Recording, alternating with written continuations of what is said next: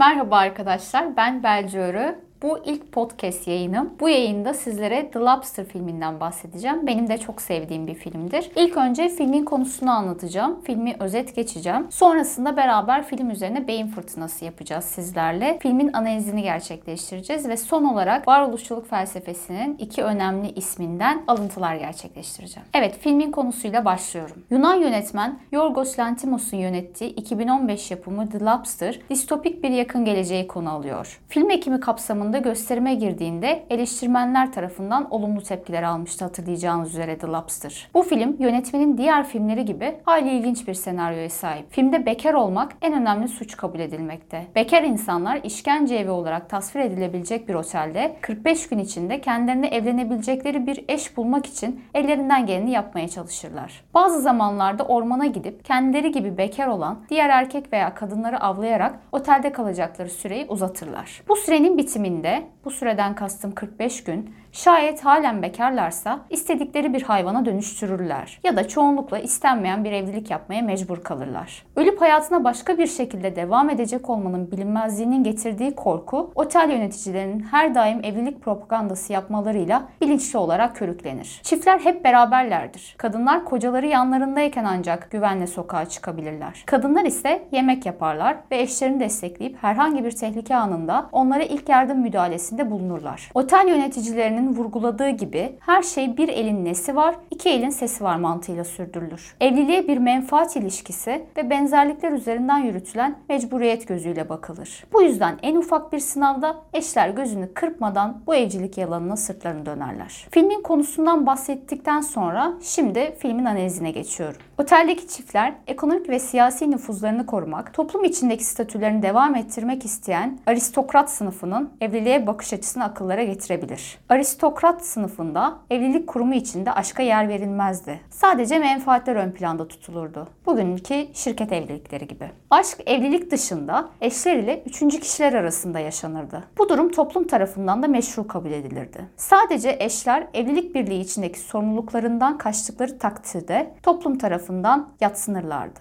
Sanayi devriminin ardından burjuvazi için yaratılan romantik aşk kavramı yüceltildi ve evlilik kurumunun içine taşındı. Bunun nedeni ise verimlilik kaybının en aza indirilmesiydi. İşe tam konsantre olunması için aşık olan çiftlerin aynı çatı altında beraber yaşaması bu kez ideal olan seçenek olarak kabul edildi. Filmin ilerleyen sahnelerinde David karakterini canlandıran Colin Farrell ile Rachel Weisz arasında gelişen aşk hikayesi filmin belki de yeniden canlanması ve ivme kazanmasını sağlayan nedenlerden birisi. David uzun süre otelde yalnız başına yaşadıktan sonra bir kaçış yolu bulup ormana gidiyor ve ormanda Rachel Weisz ile tanışıyor. Otelde kalan çiftler için evlilik propagandası nasıl körükleniyorsa ormandaki insanlar için ise yalnız yaşamak o kadar önemli ve bu bir baskı unsuru olarak insanlara dayatılıyor. Filmin ana konusunu oluşturan otel yaşantısı sona erdiğinde bu kez hikayenin tersine çevrildiğini ve filmin karşıt görüş çerçevesinde ele alındığını görünce biraz şaşırabilirsiniz. Yönetmen bu ikili arasındaki aşkı da benzerlikler üzerine kurmayı tercih etmiş. Örneğin Colin Farrell ile Rachel Weisz ikisi de miyoplar ve bunu aşklarını körükleyici bir dinamik olarak görüyorlar. Aşkın gözü kör ettiği mecazi söylemenin ardında bile böylesi bir benzerlik yakalamaya çalışmak biraz ikircikli bir bakış açısı gibi gözükse de yönetmenin anlatmak istediği bireysel varoluştan kopuş, teslimiyetle birleştiğinde yine kendi oluşturduğumuz parmaklıkların ardına kendimizi hapsettiğimiz. Bu türden bir aşk söylemine kulak verdiğimizde bir başkası üzerinden kendimizi ifade edip ona göre konumlanmış ve ona bağımlı hale gelmiş oluyoruz.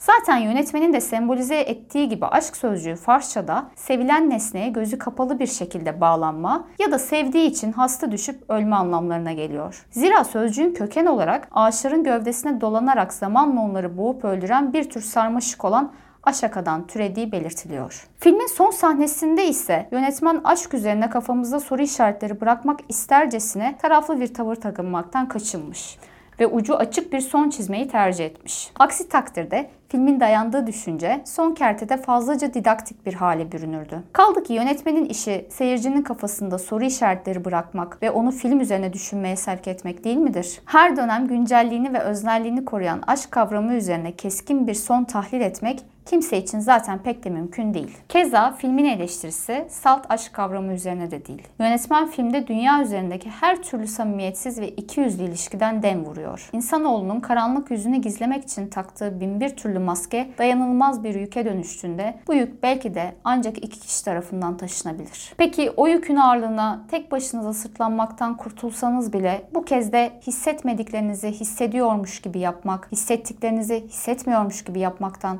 daha ağır bir yük haline gelmez mi? Filmle ilgili kafamızda oluşan soru işaretlerinden sonra bu iki yüzlü davranışlar yumağının içinde sürüklenmek yerine rol yapmayı bilmeyen ilkel bir hayvana dönüşsek daha mı iyi olurdu diye düşünmeden edemiyor insan. Dolayısıyla The Lobster vermek istediğim mesajları başarılı bir şekilde aktaran, ironiye başvururken akılcı yöntemler kullanan fanteziyi gerçek kılan bir film. Varoluşçuluk felsefesinin ve feminizmin önemli isimlerinden biri olan Simone de Beauvoir'ın aşk üzerine ne söylediğine hep beraber bakalım. Birine güvenerek onu sevdiğiniz zaman benim sizi sevdiğim gibi o zaman karşınızdakinin her davranışını yumuşak, her sözcüğünü aşağı yukarı doğru ve belirleyici bir unsur gibi alıyorsunuz. Oysa karşısındakine tam olarak güvenmeden onu yarım yamalak bir sevgi, yapay tatlı sözler ve davranışlarla seven kişiler ancak belirlenmiş nesneler olabilirler. Yani onlar bir parantezin içindedir. Ben de bazen parantezlerin arasına giriyorum ve işte o zaman ben de tuzağa düşmüş oluyorum. Hayatınızda bir şey oluyorum. Şüphesiz her zaman beni gerçekten sevdiğinizi düşündüm. Oysa şimdi biz tek kişiyiz diyorum ki bu da az önce söylediğimin tam zıddı. Varoluşçuluk felsefesinin iki önemli isminden biri olan Simone de Beauvoir'ın Sartre Mektuplar kitabından alıntılar. Bakın varoluşçuluk felsefesinin önemli isimlerinden biri olan Jean-Paul Sartre aşk üzerine ne diyor? Biliyorum, bana tutku verecek herhangi bir şeye ya da kimseye artık rastlayamayacağımı biliyorum. Birisini sevmeye kalkışmak, önemli bir işe girişmek gibidir, bilirsin. Enerji, kendini veriş, körlük ister. Hatta başlangıçta bir uçurumun üzerinden sıçramanın gerektiği bir an vardır. Düşünmeye kalkarsa atlayamaz insan. Jean-Paul Sartre, Bulantı kitabından. Evet, ilk podcast yayınımızın sonuna geldik. Beni dinlediğiniz için çok teşekkür ederim. Bir sonraki yayında görüşmek üzere.